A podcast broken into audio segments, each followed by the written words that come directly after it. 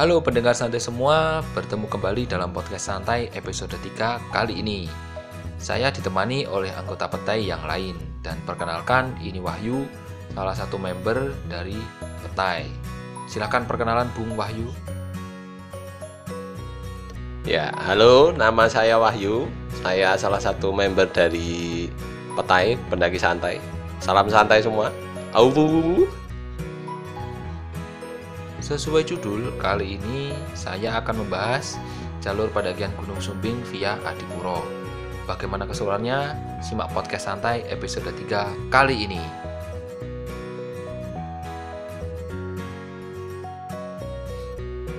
Sebagai informasi awal, Gunung Sumbing berada dalam titik ketinggian 3371 mdpl. Terdiri dari beberapa jalur pendakian antara lain jalur Butuh, Mangli, Garung, Banaran, dan Adipuro. Kali ini kita akan membahas jalur Adipuro, jalur yang baru diresmikan tahun 2015 yang lalu. Masih termasuk baru dan jarang dilewati para pendaki. Bagaimanakah trek yang ada di jalur ini dan bagaimanakah awal dari dibukanya jalur ini? Nah, ini saya ada beberapa pertanyaan untuk Bung Wahyu. Ini sudah bersama saya, salah satu peserta pembukaan jalur Adipuro ini. Mungkin bisa diceritakan bagaimana awalnya Bung Wahyu ini bisa ikut dalam membuka jalur ini. Ya, dulu sih waktu tahun tersebut di tahun tersebut kita mengadakan KKN. Jadi itu salah satu program kerjanya dari UNES. Nah, kebetulan kita punya program untuk gabungan untuk gabungan desa-desa yang ada di Magelang. Nah, setelah itu kami memutuskan untuk kita akan membuat pelang untuk jalur pembukaan jalur di eh, Adipuro. Nah, base campnya itu ada di da di daerah Adipuro. Nah, di situ juga ada beberapa teman kami yang KKN di desa tersebut. Nah, makanya waktu eh, itu ditawarkan ke seluruh ketua. Kebetulan saya waktu itu adalah ketua yang ada di salah satu desa di Girirejo daerah Kaliangkrik juga. Nah, makanya jadi kita memutuskan untuk e, bersama-sama waktu itu 18 orang e, anggota yang ikut untuk membuka jalur tersebut ada 18 orang dan salah satu e, empat empat orang dari desa tempat saya KKN. Itu aja sih, Mas. KKN-nya bukan di KKN Desa Penari kan, Mas? Bukan mas, kalau KKN Desa Penari uh, lebih serem mas soalnya. Oh iya. Oke, pertanyaan kedua. Setelah akhirnya dibuka jalur ini, mungkin bisa diceritakan perjalanan dari base camp sampai ke pos 1 seperti apa, Bu?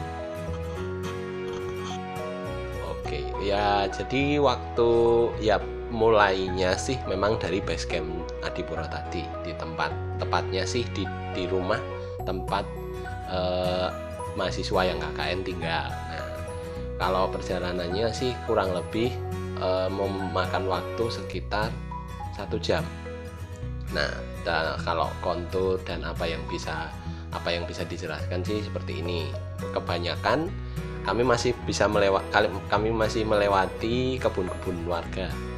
Jadi sampai di pintu rimba.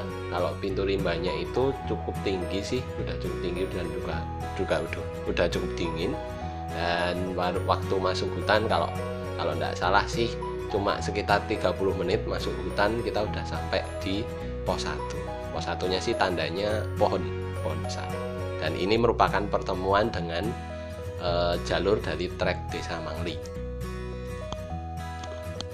Oh ya, jadi belum ada shelter atau tempat untuk berteduh, Bung? belum sih belum ada shelter dan ya masih tanda cuma tanda aja pos 1 dan tandanya itu ada di pohon pohonnya besar nah setelah menempuh perjalanan sekitar 30 menit ya tadi ya. dari base camp akhirnya kita sampai di pos 1 istirahat sejenak meneguk beberapa tetes air kita akan lanjut menuju pos 2 apakah treknya masih sama seperti pos 1 tadi? Atau lebih ekstrim lagi bung? Kalau konturnya itu sebagian besar tanah ya, tanah sama rumput. Di untuk ada kalau hujan sih licin. Kebetulan kita waktu itu ndakinya sih November ya. Nah untuk perjalanannya sendiri untuk trekking atau elongasinya itu uh, cukup tinggi sih cukup terjal. Jadi uh, uh, ya sekitar 30 sampai 45 derajat lah untuk untuk untuk sudutnya sudut uh, kemiringannya jadi uh, cukup memberatkan waktu itu karena kita seperti lewat di punggungan gunung dan kalau dari vegetasi masih didominasi oleh hutan bervariasi seperti itu sih. Nah, treknya dari saat dari pos 1 menuju pos 2 ya beberapa sih ada bonus ya. Nah, di tempat bonus itu juga ya kita sempat waktu itu kita sempat buka bekal kita, kita makan. Karena kita tadi start, start trekking dari pos eh dari base camp itu jam 10 nah sampai di pos 2 eh, hampir pos 2 itu di tengah-tengah antara pos 1 dan pos 2 itu kita sampainya jam sekitar setengah 12 itu sih yang pak yang menariknya di sini memang eh, di jalur menuju pos 2 itu eh, masih didominasi oleh pohon-pohon yang cukup tinggi jadi masih vegetasinya masih cukup lebat itu aja nah, kalau untuk estimasi perjalanannya Bung dari pos 1 ke pos 2 berapa jam? Kalau pos 1 sampai pos 2 nya sekitar satu jam. Jadi tapi ya itu kalau kita sih waktu itu gara-gara memang rombongan banyak orang ya. Dan juga ya tunggu-tungguan lah. Ada yang ada yang macam-macam ya bervariatif juga. Ada yang ada yang waktu itu uh, sholat juga terus ya makan segala macam. Nah iya gitu. Kalau kita waktu itu sih satu jam 15 menit sih. Oh ya Bung, kalau kondisi di pos 2 itu seperti apa? Apakah ada shelter? Apakah ada tempat untuk berteduh? Apakah ada mata air atau bagaimana? Silahkan dijelaskan. Kalau shelter sih masih sama seperti pos 1 kondisinya pos 2 ini. Jadi tidak ada shelter, tapi memang ada tempat yang cukup luas untuk ya kalau untuk mendirikan tenda sih ada ada tempat yang cukup luas jadi sekitar untuk tendanya mungkin bisa sampai 2 sampai 3 lah nah dan kondisinya kalau mata air di waktu itu sebenarnya ada sungai. Di, di bawahnya pos 2 itu ada sungai. Tapi waktu kita ke sana itu sudah kering sungainya. Kurang tahu mungkin uh, kenapa tapi memang kata orang-orang yang waktu itu ada di sana memang sedang kering sungainya. Dan mata airnya memang sedang tidak tidak berfungsi dengan baik. Dan kalau saya lihat sih waktu itu sungainya memang kering uh, ya tidak terlalu banyak airnya dan juga kotor sih. Cuma ada genangan dikit-dikit itulah. Beristirahat dan sejenak ngopi-ngopi sambil menikmati alunan musik dari alam kita akan lanjut menuju pos 3 yang kekuatannya ini adalah jalur yang paling ekstrim. Bener nggak nih Bung Wahyu?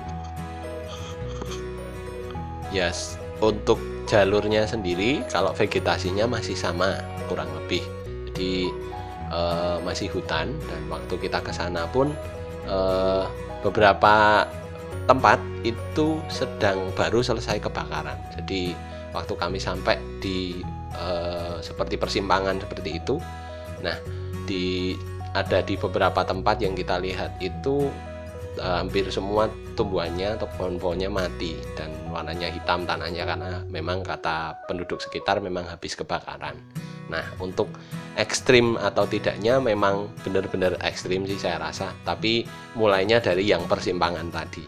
Karena kita tidak bisa melewati jalur yang seharusnya uh, seharusnya kita lewati kalau sebenarnya bisa lewat langsung ke pos 3 jadi ada jalur landai seperti itu yang melewati punggungan gunung juga nah memang ekstrim kalau uh, sudut kemiringannya memang ekstrim dan uh, konturnya sih kalau konturnya masih tanah. Dan ya kalau waktu kita mendaki itu kita lewat yang tanah atau tempat yang memang setelah kebakaran tadi. Memang sudah padam karena sudah diguyur hujan beberapa beberapa hari sebelum kami mendaki waktu itu. Nah, sampai ke pos tiganya memang kita bisa lihat. Jadi jadi di jadi kita lewat ya, jalur yang bukan umum. Jadi jalur bukan umum. Dan jalur umum yang di pos 3 tadi uh, itu sih ekstrimnya gara-gara ada jalur yang terputus sebenarnya. Nah, jadi ada longsoran seperti itu longsoran batu dan itu seperti jalurnya terputus. Jadi kita tidak bisa lewat sebenarnya. Perjalanan menuju pos 3 yang sungguh melelahkan. Sampai terengah-engah. Nggak sempet buat ngopi lagi mari kita langsung aja menuju pos 4 bisa diceritakan bagaimana perubahan jalurnya Wahyu